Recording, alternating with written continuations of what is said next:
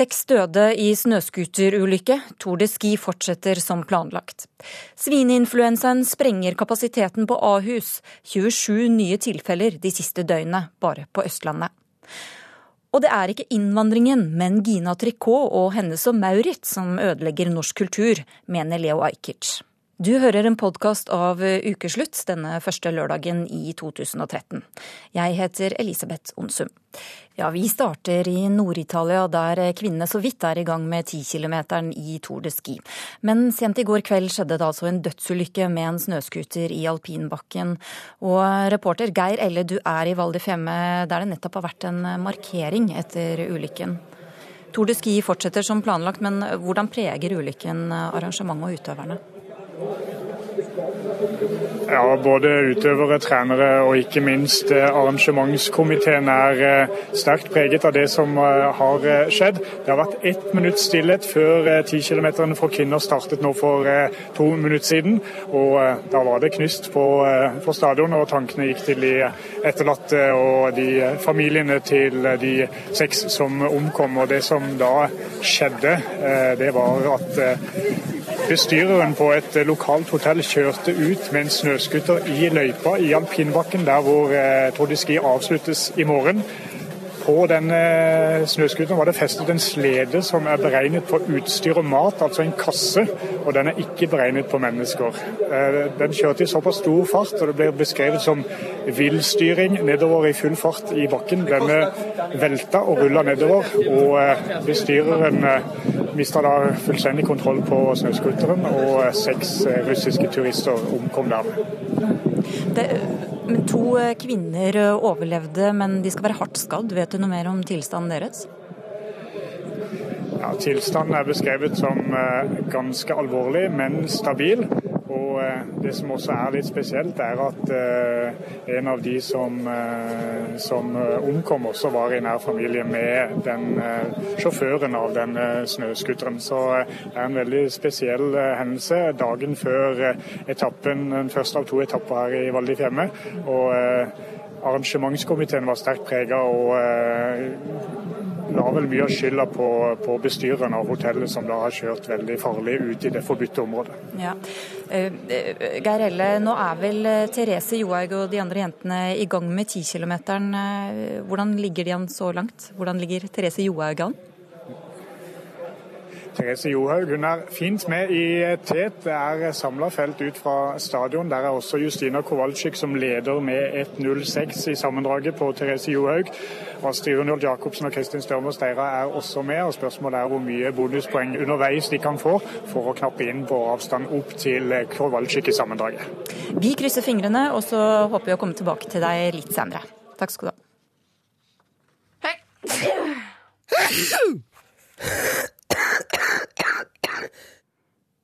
Ja, mange startet året med et leit virus i kroppen. Til nå har over 200 personer testet positivt for svineinfluensa bare på Østlandet. Reporter Sondre Bjørdal tok på seg munnbind og dro på sykebesøk. Du har nesten ikke orka noen ting. Jeg har gått på bare viljen fordi det har vært jul, og ikke sagt noe særlig til familien.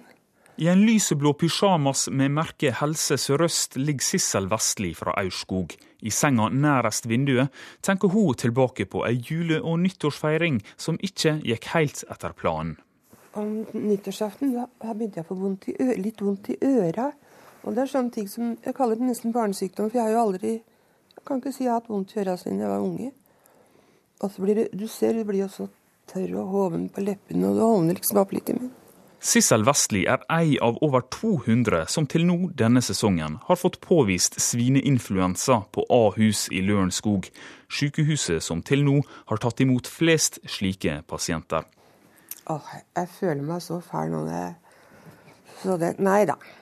Og hun følte seg ikke noe bedre i jula, men forsøkte å holde det for seg sjøl.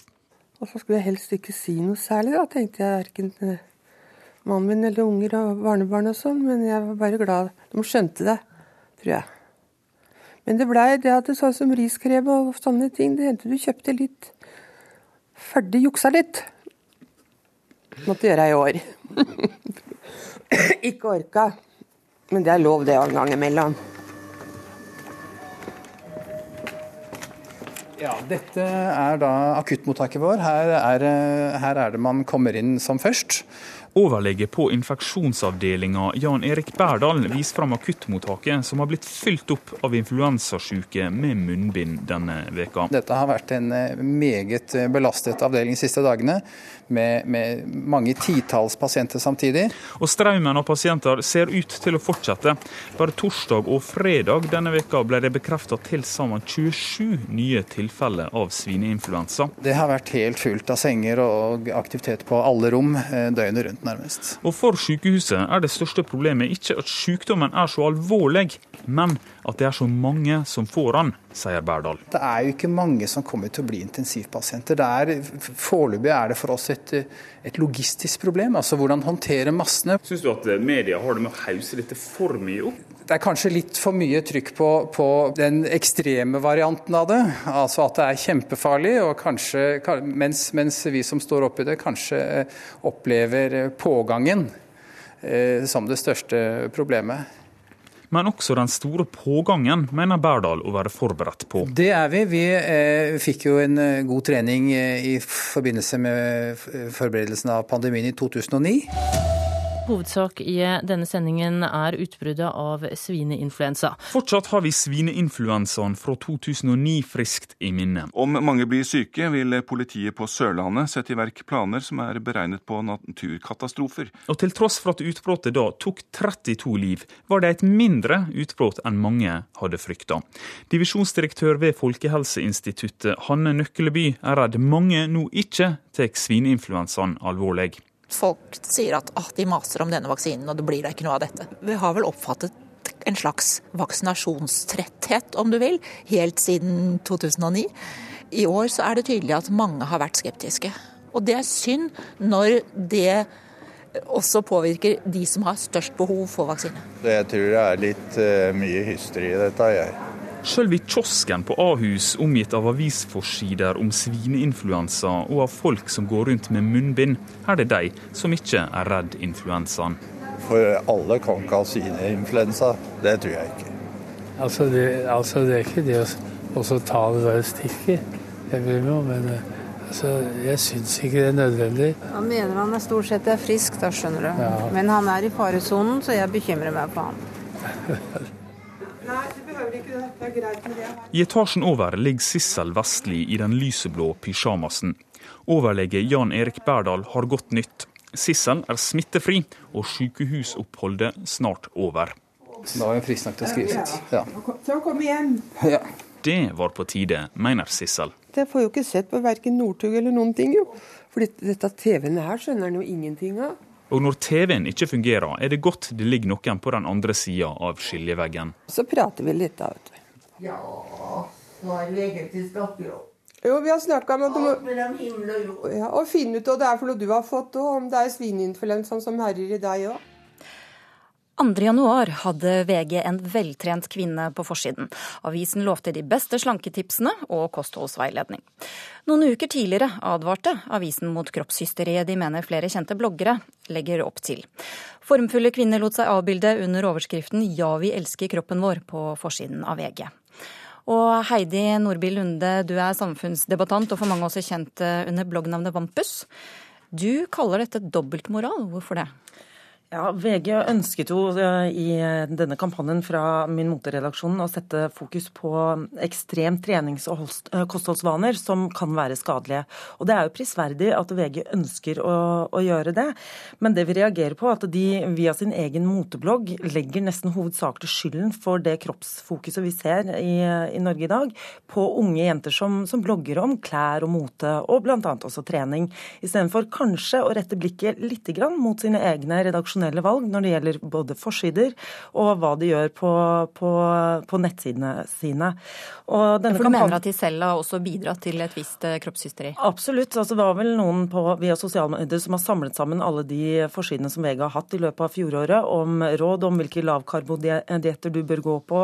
Du har VGTV som bringer da hvordan du kan få Hollywood-kroppen, og gir deg råd fra kjendiser om hvordan du skal trene, som om de har noe eh, større peiling på det. Og og hvor denne kampanjen da igjen setter fokus på unge jenters kropp og utseende. Fordi ortoreksi, som denne dårlige eller uh, denne skadelige trenings- og kostholdsvanene uh, heter, det rammer jo i aller høyeste grad også menn. Hvorfor ser vi ikke lubne menn som tar seg flesk og sier hei, så fornøyd jeg er med kroppen min? VG er også representert. Hanne Skartveit, du er politisk redaktør i VG. Dobbeltmoral, mener Nordby Lunde. Kan du være med på det? Nei, det er jeg ikke med på. Eh, jeg syns min moteredaksjon gjør en veldig skikkelig jobb i VG. De satte, som riktig påpekt her, før jul fokus på kroppsfokuset. Det har jo aldri vært lett å være 13 eller 17 eller 20 år gammel jente. Ikke noen gang. Jeg tror det er tøffere nå enn det har vært tidligere også. Eh, og det har vi vært opptatt av å fokusere på at bl.a. rosabloggerne og veldig mange andre ting i samfunnet gjør at det er tøft. Samtidig så har vi eh, råd om slanking, om sunt kosthold.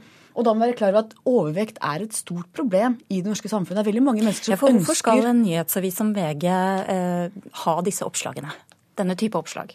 Vi er en bred avis. Vi er en tabloidavis som har en bred miks, og også forbrukerstoff. Hvor vi gir råd om kosthold, om hvilken sofa du skal kjøpe, eh, om slanking. Dette er en del av vår stoffmiks, samtidig som vi har utenriksanalyser og politisk dekning. Ehm, så dette er rett og slett et del av det tilbudet vi gir våre lesere. Og overvekt er som vi vet et stort samfunnsproblem. Og vi har bl.a. Vektklubben i VG, som, eh, hvor det er veldig mange folk som kommer og, og, får råd og er medlemmer og følger et program vi har der. Eh, så jeg syns det er ganske ålreit, det. Ja, Nordby Lunde, hva er galt med at VG gir noen råd? Det er ikke noe galt for medier i det hele tatt. Verken å gi oppmerksomhet til rosabloggere som fenomen og dra fram det og hvordan de kan påvirke i, i norske hjem. Men nå har jo også norske medier, og særlig VG, dratt fram rosabloggerne og gitt dem redaksjonell oppmerksomhet. Og nettopp laget dem til kjendiser. Og gjort dem så store som de er i dag. Det jeg tror VG nå opplever, er jo at disse bloggerne får mye kommersiell oppmerksomhet, og også drar annonsepenger vekk fra sin egen Min Mote-blogg, Og Vektklubben kosthold.no, som, eh, som, VG har, og hvor de gir kostholdsråd, er jo i dag en betaltjeneste. Så hvis de har denne fantastiske ideen om at de skal hjelpe det norske folk å, å gå ned vekt, kanskje dere skal gjøre den tjenesten gratis? Er det vikarierende motiver her, Skartveit? Det er veldig rart å høre en gammel liberalist si at det er galt å skulle tjene penger. det syns jeg er litt spesielt. Vi er en, en, avis som også skal tjene penger og finansiere journalistikken vår, så det er klart at vi eh, selger bl.a. medlemskap i Vektklubben, som jeg syns er et eh, godt tilbud. Når det gjelder annonsepenger, så er jo det eh, det er ikke sånn at rosabloggerne er våre store konkurrenter når det gjelder annonsekroner. Det er eh, en misforståelse i beste fall. Eh, det er mulig vi har gjort rosabloggerne større enn de var. De er veldig store blant tenåringsjenter. Og jeg tror ingen av oss ønsker at jentene våre skal sitte opp og få de idealene inn og bare få informasjon derfra. Jeg mener det er verdt å problematisere det skjønnhetsidealet noen av disse rosabloggerne formidler.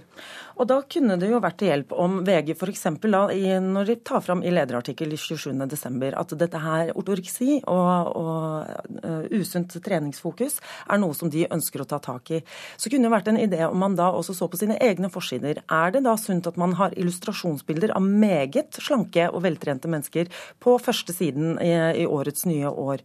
Er det meningen at hvis man ønsker å ta tak i ortoreksi, som i aller høyeste grad også rammer menn, vi kan tenke oss eh, de som driver med Birken f.eks., som må trene to til tre timer om dagen, eh, at det kun er unge jenter som man setter fokus på, at man tar motebloggerne uten å ta eget ansvar for fokus.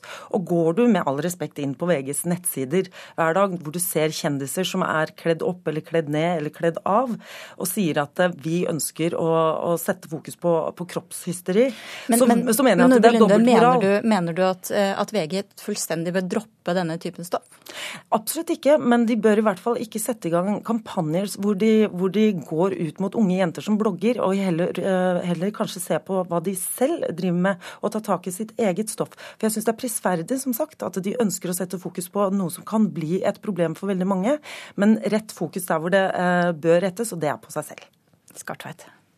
Jeg syns den kampanjen vi hadde før jul var veldig fin. Kvinner fra hele Norge sendte inn bilder av kroppene sine. Jeg tror både Vampus her og jeg er klar over at, at, det er veldig mange damer som har et problem med selvbildet sitt, med kroppen sin. Og her løfta vi fram alle typer kropper og sa at man skal være glad i seg selv som kvinne.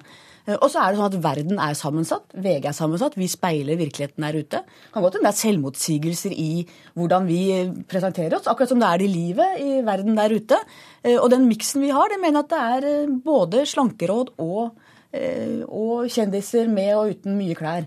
Men, men Skartveit, gir dere ikke nettopp litt næring til det hysteriet som dere ville til livs i denne andre kampanjen, hvis vi skal kalle det det, når dere slår opp en, en, en, dame, en veltrent dame på forsiden og, og lover de beste slanketipsene?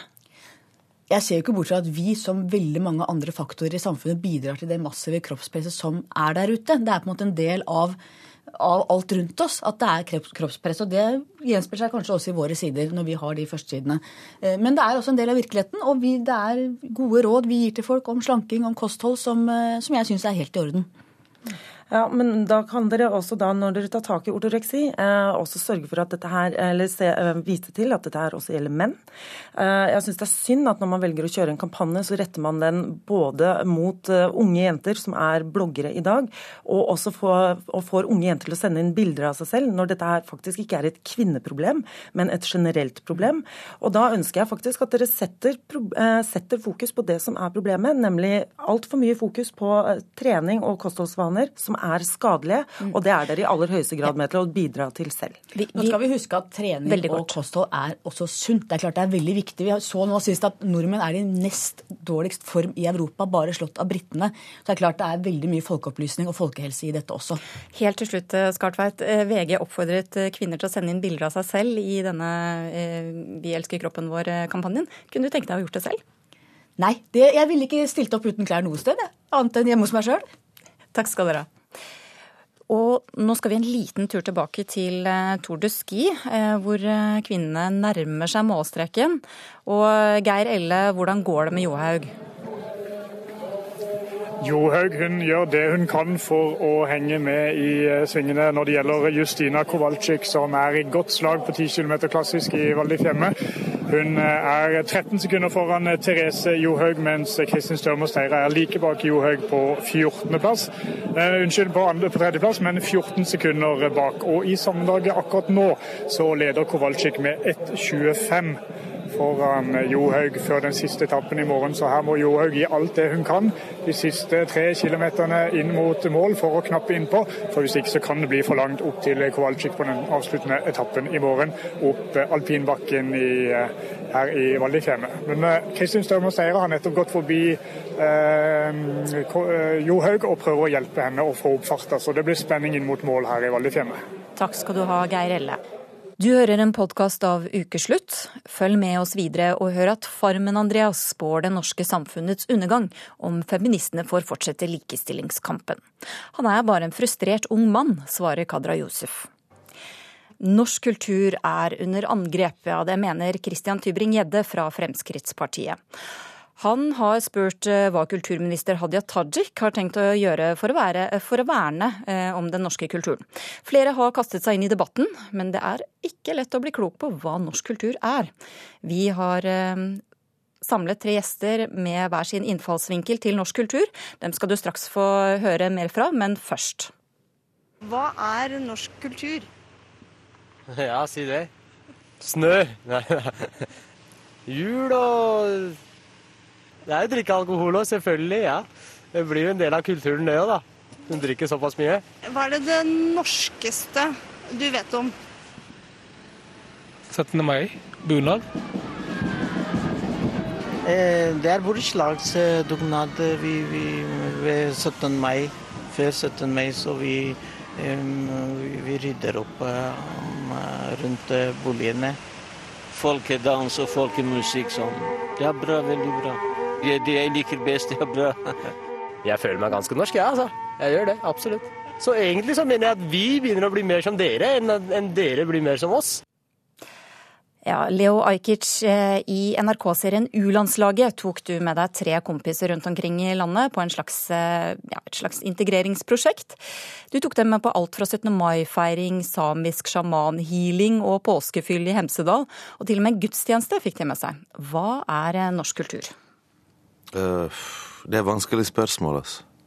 Jeg vet hva kulturmelk er. Det er sånn syrnet melk. Det er veldig konkret. Men norsk kultur Jeg vet ikke, sånn som hun nevnte i sted, kålrabistappe og pinnekjøtt. Jeg digger det, liksom. Så den delen av norske matkulturen kommer jeg til å ta til meg, for eksempel. Jeg vet ikke, det er mye, det er mye som er norsk kultur, men hva er, hva er amerikansk kultur? Jeg vet ikke.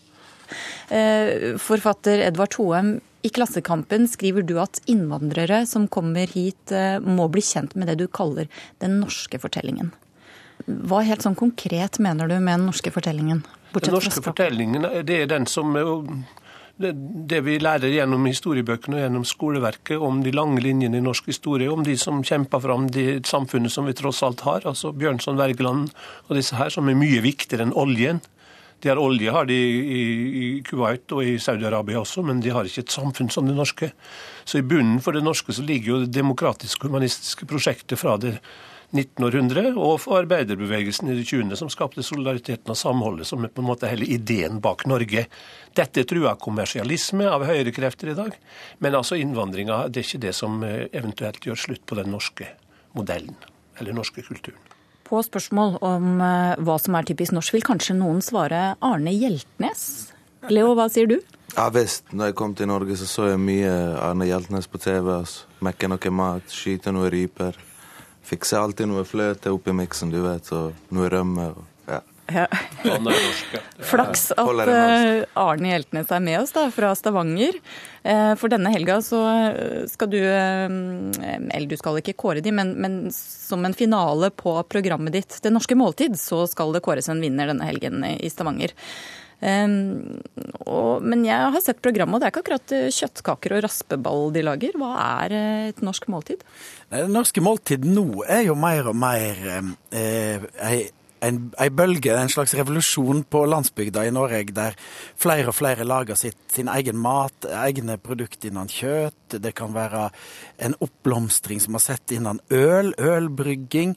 Det er mer, mer den lokale identiteten. Og når vi nå snakker liksom om den norske identiteten, så, så ser vi jo da at eh, matproduksjon rundt omkring, det skaper arbeid til folk. Det er et eller annet urnorsk med å, med å være arbeidsom og og, og, få til ting og skape ting, og det ser vi nå over hele landet. Og det er noen som mener, da, internasjonale mateksperter, at vårt klima for enten fisk eller kjøtt eller grønnsaker eller bær er helt spesielt eh, fordi at eh, alle kjenner jo jordbærene som blir ekstra gode for det tar lang tid å modnes, og mener at liksom, det er vår tid som har kommet da, i den internasjonale gastronomiske himmelen. Ja.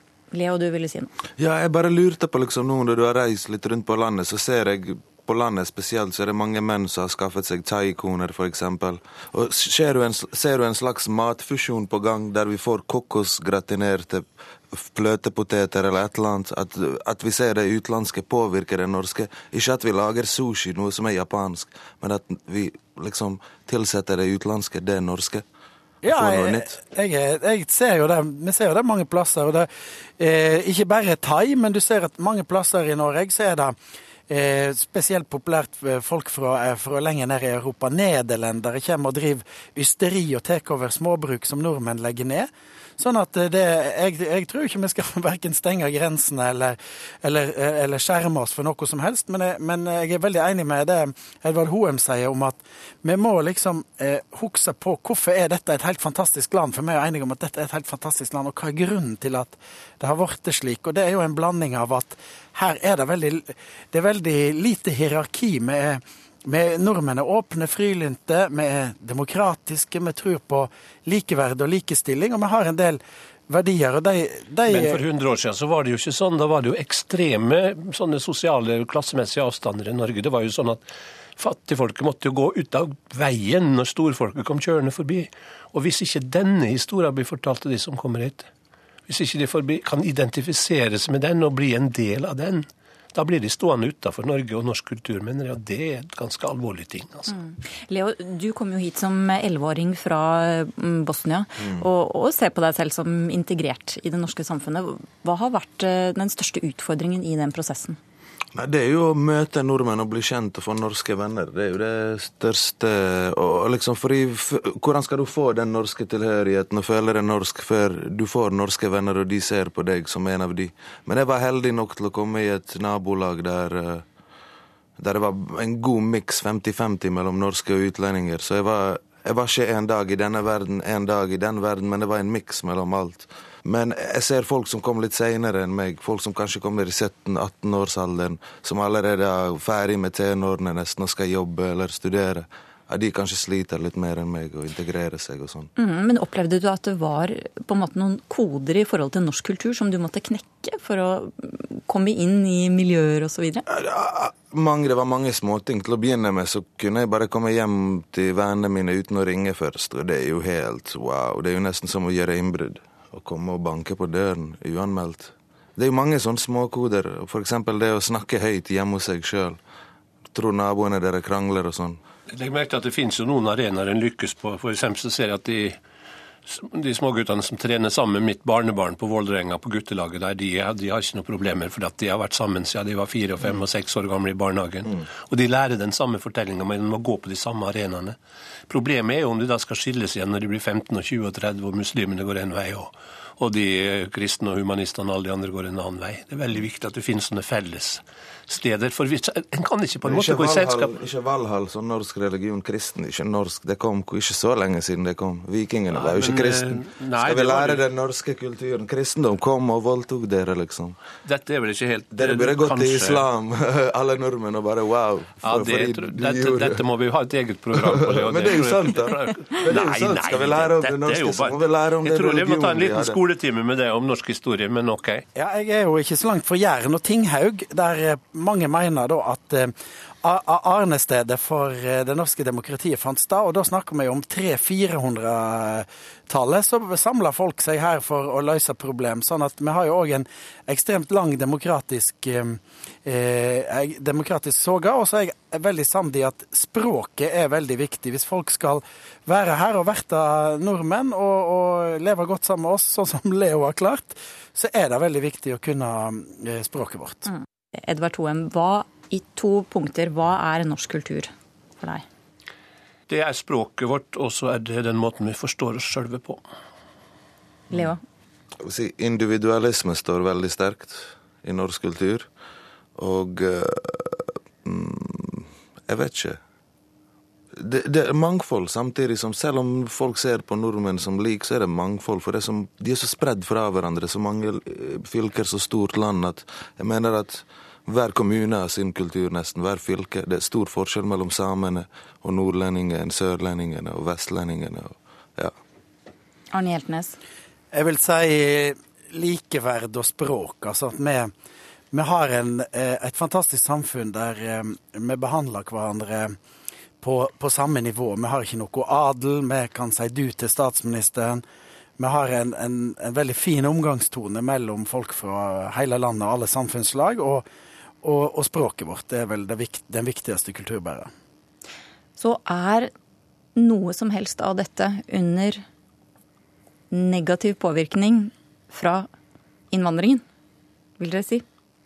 Nei, altså norsk kultur er ikke trua av innvandringa, det er trua av engelsk.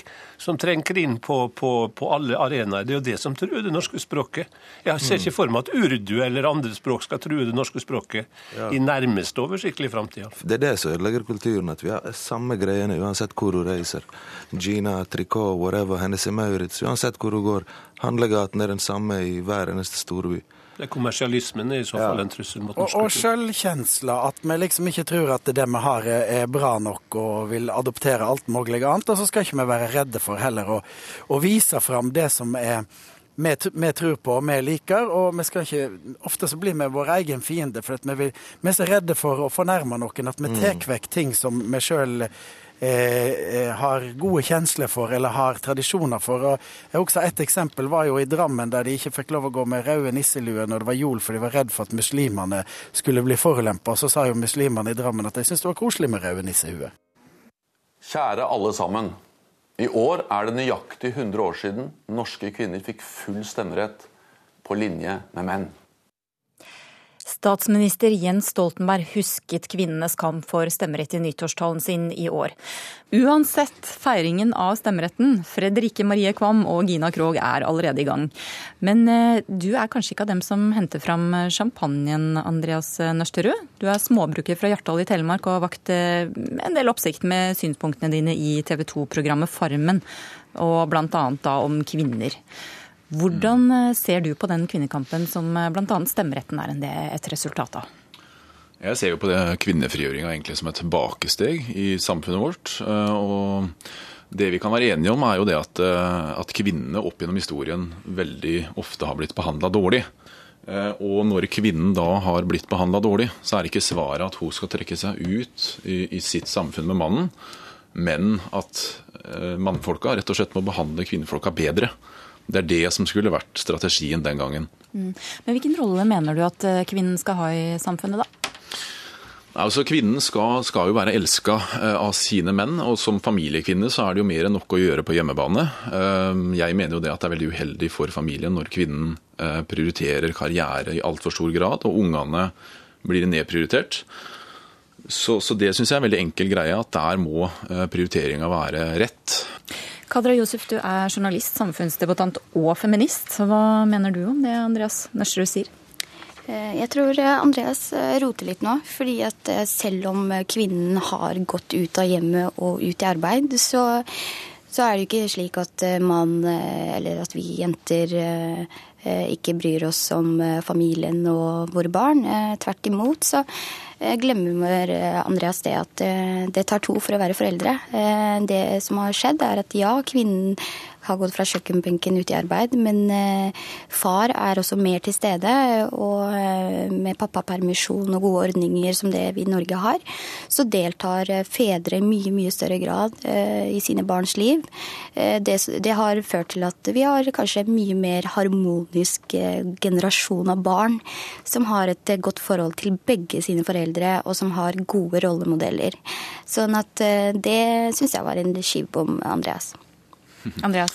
Ja, Det er jo ikke jeg enig i. Uh, altså Det som feminismen prøver å gjøre, er jo å likestille to uh, skapninger som aldri kan likestilles. For at uh, biologisk sett er vi helt ulike både mentalt og fysisk. De fleste vil nok eh, kanskje ikke kjenne seg igjen i mesteparten av dine tanker, men du sier at du har fått mye støtteerklæringer. Mm. Hva skriver folk til deg? Altså, det er det som er veldig viktig å nevne her nå, at det jeg sier, det er det veldig mange som støtter meg i. Og, og, og feministbevegelsen er jo bidrar til, bidrar til å opprettholde et meningstyranni og en knebla samfunnsdebatt, f.eks. på det her punktet. Folk tør ikke å si det de mener. Eh, i fare for å bli ledd av. Jeg opplever at Men støtter folk deg på synspunktene dine, eller for at du tør å mene noe som er annerledes? Ja, begge deler. Jeg opplever at veldig mange støtter meg og 100% på synspunktene, og det er veldig mange kvinner som gjør det. Men folk tør ikke å si det. De siste 40 årene så eh, har flere og flere så har pga. gode rettigheter og at det faktum at vi har eh, like muligheter til utdannelse, ut i arbeid og få lov til å bestemme over sin egen kropp, fører til at eh, kvinner har forlatt kjøkkenbenken og ut i arbeid. Men, og det har Norge hatt godt av. Jeg tror innerst ikke, Andreas, at du har lyst til å jage jentene tilbake til kjøkkenbenken og bare mene at de skal føde barn og lage ertestuing, liksom. Hvordan skal eh, like, dette likeverdet gjenspeiles i samfunnet, mener du Andreas? Ja, altså Det er det at kvinnen passer til ting bedre enn mannen, og mannen passer til andre ting. Eh, og, og det må vi ta høyde for. Det er bakstrever som skal presse mannen og kvinnen som to ulike individer inni en felles ramme. Altså er... Du sier bl.a. at eh, kvinner ikke egner seg som ledere. Hva bygger du det på? Altså, jeg mener at mannen egner seg bedre som leder, men det er ut ifra en klassisk lederdefinisjon. Og den lederdefinisjonen ser vi egentlig ikke i samfunnet i dag. Altså, Vi har ikke egentlig ekte ledere i samfunnet i dag. Eh, Andreas hører til en uh, gruppe unge menn i dagens samfunn som ikke helt finner sin plass. Og egentlig så har de mest å vinne på å heie fram jentene. Fordi at vi vet, som jeg sa i stad, at eh, par som er i likestilte forhold, de har eh, sex. De har mye sex. De har bedre sex. Eh, det som skjer nå, er at du ser at det er en del unge menn som kanskje ikke helt finner sin plass i et moderne samfunn. Dermed så stiller de seg på sidelinja og, og sier at likestillingen har skylda. Feministene har skylda. Andreas er et veldig godt eksempel på det. Det er jo dette med lederskap som du snakker om. altså at mannen skal være leder. Altså det, det, er jo ikke noe særlig forskjell på, på kjønnene der på eh, hvem som er bedre leder. Tvert imot så tror jeg faktisk kvinner er bedre ledere enn menn. Hvis du liksom løfter blikket litt og så ser eh, global, sånn rent verdensmessig, så vil du også se at likestillingen og det at man gir kvinner rett til utdannelse og rett til arbeid, det løfter millioner av mennesker ut av fattigdom. De holdningene du har, det er egentlig litt sånn forskrudd menneskesyn. Eh, det å mene at man, et skjønn skal lede et annet skjønn. Altså, til og med på 1200-tallet, Andreas, ville, du, ville det ha vært for smalt, altså. Du må svare på det. Fasitsvaret finner en jo ofte i Bibelen, når det er rett forstått. Uh, så, men, men, det Kadra sa i stad, det med at forhold, altså likestilte forhold er de som fungerer best, så er ikke jeg enig i det. For altså, i kjølvannet av feminiseringa av landet vårt, så har det blitt bare mer og mer familie- eh, og samlivsoppløsning. Og, og, det som er fakta, det er jo det at jenter som opplever å være sammen med en mann som ikke er tydelig som leder i det forholdet, de stikker av. De får ikke utfordringer. De, de, de, de eh, får rett og slett litt panikk fordi at eh, mannen er en tøffel. Jeg syns du skal prøve å finne en jente som, som tror på likestilling, og som, som vil, vil, leve sammen med deg. Og så syns jeg du skal prøve dette likestillingsprosjektet da, for en periode. Og så se om du får et godt og harmonisk liv. Og, og jeg tror du har alt å vinne på det. Jeg tror du får deg en dame, jeg tror du får sex, jeg tror du får bedre økonomi, og jeg tror du får lykkelige barn. Så prøv det, og så kan vi heller møtes om et år og så se hvordan du har det. Altså, Kadra, jeg er ikke noe sånn frustrert mann, så, så ikke misforstå det. Kommer du til å prøve å se deg om etter en sånn jente, Andreas? Altså, Jeg har veldig mye til felles med feministene, og, det er fordi at vi er engasjert. Vi holder oss ikke lunkne. Eh, men jeg tror vi bare har kommet fram til litt ulike standpunkter. Eh, og jeg kan si det at eh, jeg kan jo gratulere Kadra og alle feminister med å ha vunnet i den kampen. Jeg kommer ikke til å brenne boksershortsen min den 8. mars fordi at jeg er så uenig. Altså, jeg er ikke noe opprører. Uh, vær så god, kjør den stilen dere har oppnådd. Og så vil dere se det, at på sikt så kommer samfunnet til å gå til grunne. Men vet du hva, da håper jeg at uh, i jubileumsåret da, at du får en klem, og at du kommer over på vårt lag. Du har hørt en podkast av Ukeslutt. Ansvarlig for sendingen Aksel Wilhelm Due. Teknisk ansvarlig Erik Sandbråten. Skript Silje Lykke Spjelkavik. Jeg heter Elisabeth Onsum.